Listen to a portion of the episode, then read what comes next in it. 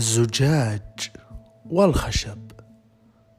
لو تتأملها في كثير من مقاهينا مكاتبنا كثير من الابتكارات البشرية اللي نعتمدها في شربنا لإنعاش أنفسنا أو تحسين مزاجنا أو حتى سكرتنا. هي محفوظة في زجاج. المشروبات المعدة لكي تسكب في الزجاج أو محاولة بحثنا عن الكأس اللي يعبر عننا في زجاج معين. هو بالأصح تغذية راجعة من وإلى الطبيعة. الزجاج عبارة عن مكونات كيميائية تجتمع مع فيزيائية الصهر والتشكيل سواء كانت بالماكينة المبرمجة من قبل يد وحرفة خبرات هذا الإنسان. أو المصممة بيد وحرفة هذا الإنسان أيضا هي صناعة بشرية. محضة شفافا عاريا هذا المشروب هذا السائل هذا اللون هذا المباح أو المحرم. هي تفاعلات وفيزيائيات متجمعة على شكل. بمجرد النظر إليه يصلك نصف القصة ثم بملئه تحدث قصة أخرى. من الشارب؟ ما القصص المروية مع هذا الكأس؟ أما الخشب؟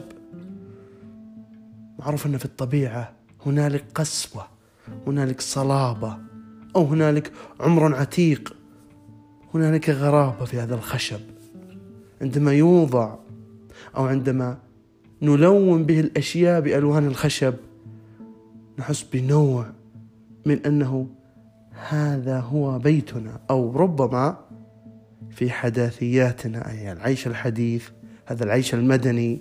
نفتقد ذلك الشعور بالغابة حتى لو لم نعش بها.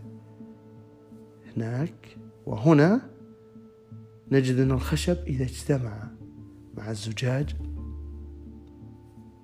فكأننا لم نخلق شيئا جديدا بل رجعنا إلى الطبيعة أي أن الإنسان مهما حاول جلب الجديد واستحضر خبراته القديمة في هذه الصناعة وابتكر وأضاف اسمه وأضاف لمساته البشرية على هذه الصناعة إلى أننا نحس بالرجوع إلى الطبيعة فهي تغذية راجعة عملية دائرية ليست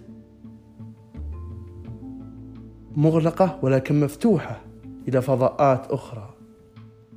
فضاءات ما لها نهاية. فضاءات تراكمية تراكم الخبرات. تراكم الرغبات الزجاج والخشب هي أشياء تعبر. هي أشياء تخص المزاج تخص الذوق. التأمل في هكذا صناعات أو هكذا ابتكارات أو هكذا عودة. إلى أجدادنا عندما أرادوا الحفظ ومن ثم الضيافة والتوزيع أو ربما تحسين هذه الأشياء لجعلها لجعلها طبعا شيء يعبر عن الاحترام عن الحرفة عن الصناعة عن الدولة التي وراء هذا الشيء عن الثقافة. ربما تكون أشياء بسيطة لا تستحق حتى هذا النوع من الذي ربما يكون مبالغة في التأمل ولكنها أشياء تعيدنا إلى الطبيعة لكي نبحر إلى فضاءات لا تنتهي وقصص لا تنتهي. حتى في لحظات الدراما البشرية صوت الزجاج المتكسر يعبر عن قصص.